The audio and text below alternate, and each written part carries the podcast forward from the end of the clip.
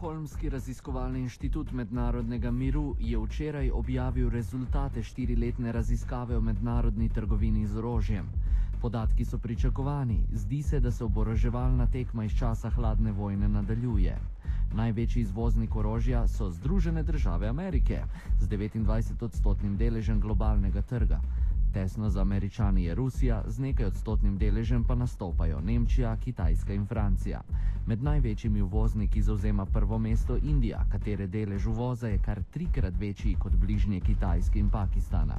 Indija tako že nekaj časa vodi v oboroževalni tekmi.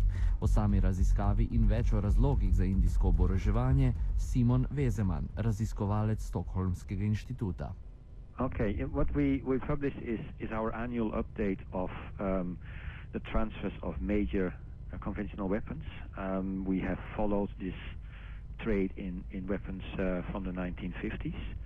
Um, and in our most recent report, we found that um, the, the, among the importers, India is by far the largest importer. Uh, it's it's uh, uh, three times bigger than, than China and Pakistan, which are the, the second and the third largest one. Um, of course, in a way, that's not surprising. India has always been a, a very large importer of weapons. It's in an area of, of very strong tension. India feels um, a, a clear threat from China. Uh, it's also neighboring with Pakistan, which has fought several wars and has serious territorial problems. Uh, and in addition to that, um, India is feeling that it's a, uh, a regional power. Um, that as a regional power, you have to show that you have uh, power um, ambitions in the form of a military. So that plays also a role, a prestige, and, and, and showing that you are a power. Um, in addition to that, India is a country which has a, an, an, arms industry, but the Indian arms industry has, despite 50 years of trying, not been very successful in producing their own weapons. So they are extremely dependent on imports, which of course helps to push India up uh, as an importer, while at the same time China, for example, which which buys as many weapons as um, as India, but does most of it from the national industry.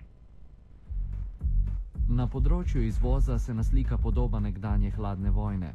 Rusija in Združene države sta daleč najmočnejša akterja na področju vojnega gospodarstva. Skupaj namreč prodata več kot polovico celotnega orožja, ki pride na trg. Prodaja naj bi sicer potekala pod določenimi pogoji. Amerika naj bi tako od svojih kupcev zahtevala odgovorno ravnanje, medtem ko Rusija takšnih pogojev ne, podstav, ne postavlja, pravi Simon. From the, from the side, um... there are a number of, of exceptionally big exporters. Uh, that's the USA and, Russia. They're by far the biggest exporters. Together, they, they account for more than 50% of total arms exports. Uh, and they have always been um, the biggest arms exporters uh, before Russia, the Soviet Union, of course, together with the USA. Um, they are the big countries. They have very large arms industries, and they have often also um, political reasons to export, uh, especially the U.S. Uh, key allies of the U.S., for example, Saudi Arabia uh, or, or um, Japan and, and, South Korea, um, are very much linked to the to the U.S. in in arms trade. Um, and the U.S. is in the future also going to be the major arms exporter uh, together with uh, with Russia. The position of Russia is is interesting because the Russian arms industry at, uh, after the end of the Cold War has been in crisis. Uh, not much money was spent in Russia on, on defense compared to what was spent in the Soviet times, and the arms industry suffered uh, from that, um, both in, in the, the production and the profits that they could make, as well, and very specifically in the amount of money that was spent on research and development of new weapons. But despite that, the Russian uh, industry has managed, and Russia as, a, as a country has managed to maintain a, a extremely strong position as an arms exporter. Um, many countries in the world still feel that the Russian weapons are uh, enough quality to buy and that you get them for reasonable prices, and often uh, also under uh, very reasonable conditions.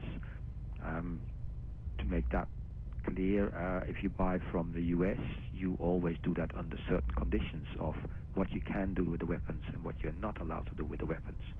Um, if you buy from Russia, you basically buy the weapon and you can do whatever you want with them, which for some countries is very important. Um, and also, uh, of course, um, for some countries it's impossible to buy U.S. weapons because of the conditions. Uh, for example, China will never be able to buy U.S. weapons because the U.S. doesn't think that China is a responsible um, responsible user of weapons and feels that it's a competitor. While for Russia, um, China is uh, an accepted, um, an acceptable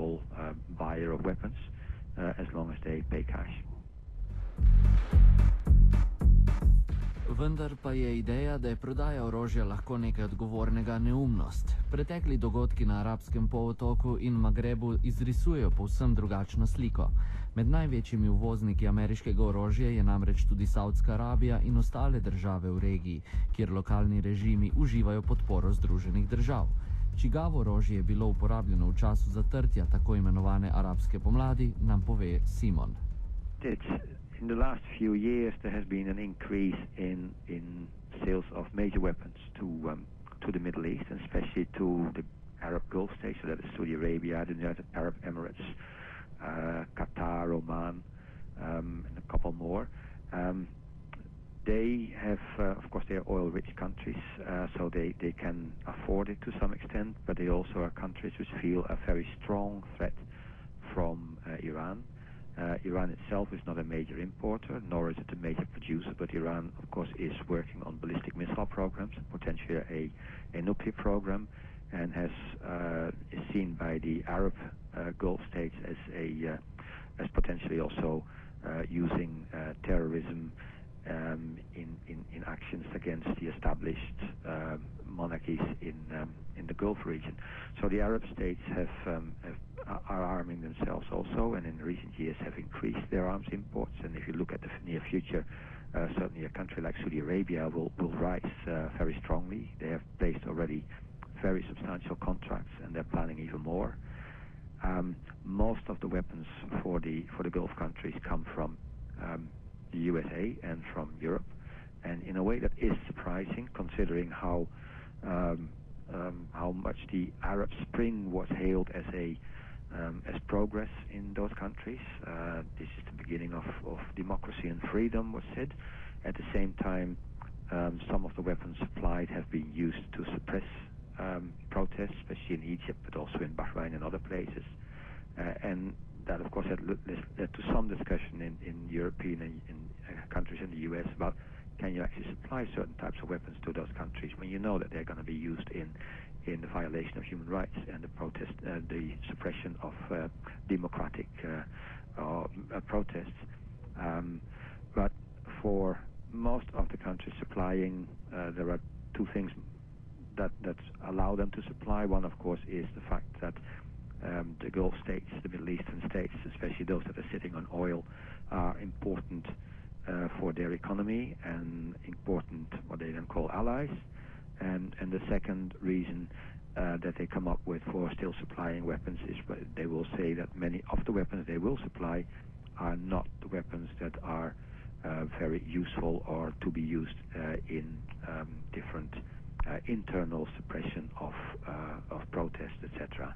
Um, the last one is maybe a bit um, a bit weird statement, considering that, for example, in Bahrain, tanks and armored vehicles, which are those things that the European countries and the U.S. are supplying, and say, well, it's good for defense against external threats. Um, but those weapons, those systems have been used in Bahrain to suppress um, protests, as well as in, in Egypt also, where armored vehicles played a major role. Um, you also very obviously could see in, in the media in um, suppressing protests. Orožarska trgovina še vedno zaseda ključno vlogo v merjenju moči globalnih velesil. Prodaja služi diplomatskim povezavam, vpliva na izide vojn, zagotavlja tržne deleže ali odpira vrata do naravnih virov. Mehanizme orožarskih poti je mogoče orisati na primeru sirske državljanske vojne, nadaljuje novinar časnika Delo Boštjan Videmšek. Obstaja več poti in načinov, kako v Sirijo prihaja orožje. Zdaj se pogovarjava o vladni strani, vladna stran že vse čas uh, treba vedeti, da je sirska vojska ena najbolj oboroženih, še ne v tem trenutku celo najbolj oborožena vojska v arabskem svetu. Um, ob tem ne, je vse čas od začetka vojne pred tremi leti, uh, tako rekoč dnevno dobiva supply, uh, tako orožja kot obveščevalnih, kot logi podatkov, logistike in tudi vojaških inštruktorjev iz Rusije. Ne ki intenzivno sodelujejo v tem, kako bi rekli, tej, kako bi rekli, moderni hladni vojni in hkrati uh, bližnjo-vzhodni hladni vojni, ki že dolgo ni več samo hladna. Ne. Po drugi strani ne, je vse čas sirski oblasti na voljo tudi uh, orožje Hezbolaha, ki je vrhunsko organizirana, sicer mehna, pa vendarle učinkovita vojska s solidnim orožjem, ki ga je dobivala od sredine 80-ih let iz Irana in dobiva še danes. Ne. In uh, tudi iransko orožje in orožje, um, tudi marsikaj druge, recimo iz Kitajske, uh, preko iransko-hezbolovskega kanala, vse čas prihaja v Damask. Uh, in to uradni vojski, kot rečeno, je že izjemno močno oborožena. Na drugi strani, vemo, velja pač embargo za uvoz orožja, ne, uh, so uporniki imeli s tem vršče težave. Na začetku so sicer dobivali intenzivno veliko orožja, veliko orožja preko Turčije, Saudske Arabije, Katarja in tudi kakšnih drugih zalivskih držav, recimo Združenih Arabskih Emiratov. Potem se je to malenkost ustavilo, uh, tudi zaradi tega, ker je bil nadzor malo večji, pa ker je Turčija um, začela paziti, mal, um, začela malo opaziti zaradi lastnih interesov, ker se je radikalni islamizem ob sirski meji na turški strani eh, intenzivno povečal in začel prihajati tudi do napadov in so se te kanali malce spremenili. Tisto, kar je bilo poključno, pa bi moglo tudi nas zares zanimati, je, da je do hrvaškega vstopa v Evropsko unijo 1. julija lani, uh, Hrvaška praktično glaven port, glavno, rekel, izhodična točka uvoza, uh, uvoza orožja upor, za upornike uh, v predvsem takrat severni Siriji preko takrat še odprtih turških letališč ker pač Evropa ne sme izvazati orožja, orožje je outsourcala to orožje preko Hrvaške, ki takrat še ni bila članica. Ko je ta supply orožja preko Hrvaške zastal, um, to je zelo močno dokumentirana zgodba, ki jo lahko kar preveriti, je um, praktično se obrnilo tudi razmerje na fronti. Um, veliko se govori o tako manj rdeči liniji, potem po, po kaj se je dogajalo, ko avgusta lani po uporabi kemičnega orožja uh, ni prišlo do mednarodnega vojaškega posredovanja, ampak po mojem mnenju to ni ključen trenutek, v katerem se je razmerje na sirski fronti spremenilo. Spremenilo, spremenilo se je takrat, ko uporniki niso imeli več dostopa do kvalitetnega orožja. Ne? Uh, ko niso imeli več dostopa do kvalitetnega orožja, je začela propadati, praktično propadati pri živem telesu sirska svobodna vojska. Eh, ki je doživljala poraze ne samo proti Asadovi vladni vojski, Hezbolahu in iranskim plačancem, ampak tudi proti uh, islamističnim gibanjem, ki so v drugi polovici lanskega leta dokončno prevzeli nadzor nad, uh, rekel, nad uporom in mu tudi dokončno vzeli kredibilnost. In dejstvo, da v pravem trenutku, po mojem mnenju, uh, zahodne sile niso odločile, tako kot v bosanskem primeru, prekiniti embarga, uh, je pripeljalo do tega, do izbruha radikalnega islamizma, ki vodi v to dokončno zmago Asadovega režima. Prodaja orožja je orodje v rokah velikih, ki bijejo boj na tujih plečih. Je moč, ki upravlja z državami v skladu z geostrateškimi in ekonomskimi interesi močnih držav. Egiptovski primer nam kaže pravo podobo trgovine z orožjem. Amerika je namreč glavni dobavitelj za egiptovsko vojsko. Kako se odvija krvava zgodba Egipta, razloži Boštjan Videmšek. Absolutno in ključno ne, vlogo ima, zaradi tega, ker prodaja orožja je tisto, kar uh, drži egiptovsko oblast, vojaško oblast, vojaško funto pri preživetju. Uh, Egipt ima zelo bogato, mislim, da so 1,3, včasih tudi več milijarde dolarjev vredno uh, pogodbo na leto z Združenimi državami uh, skoraj kot z ameriško vojsko v, prem, v, v vojaški opremi in tako naprej. Ne. To je denar, ki egiptovski vojski tudi v času hudih finančnih težav omogoča preživetje in egiptovska vojska dela državo od države. Delajo močnejše od vsega in onemogoča komorkoli drugmu, da se sploh politično ali kakorkoli drugače v državi realizira. Ne, vsi dobro vemo, da rekel, je bila egiptovska revolucija že v prvih dneh uzurpirana, ukradena strani vojske pod korekoč romunskemu receptu in potem v naslednjih dveh letih taktično najprej preko volitev in kasneje preko državnega udara lansko poletje ukradena strani prvotnih revolucionarjev in prevzeta v novo diktaturo. Ne? Ampak ta diktat, nova diktatura vojaške hunte nikakor in nikdar ne bi bila mogoče, mogoče brez neposredne ameriške vojaške pomoči. Tudi v času revolucije, ne v tistih 18 dneh uh, protestov na Tahrirju, uh, so v Kajru še vedno pristajala ameriška vojaška letala polna vojaške pomoči. Vrče se je bilo jasno, kaj se dogaja. Združene države in tudi kdo drug si nikakor ne želi demokratičnega Egipta in v imenu stabilnosti podpira diktaturo. In Egipt se je ravno zaradi tega vrnil na točko nič in zdaj bi rekel, s kmalo obladanje na Sisijevo predsedniško diktaturo bomo dobili, kako bi rekel, novo naserijansko, mubarakovsko vojaško diktaturo v državi, ki nam je bila nekaj časa zgled uh, političnega prebojenja. Ta zgodba je nepovratno končana. Offside so pripravili vajenca Joštin Dejan Jankovič pod budnim očesom počivalška.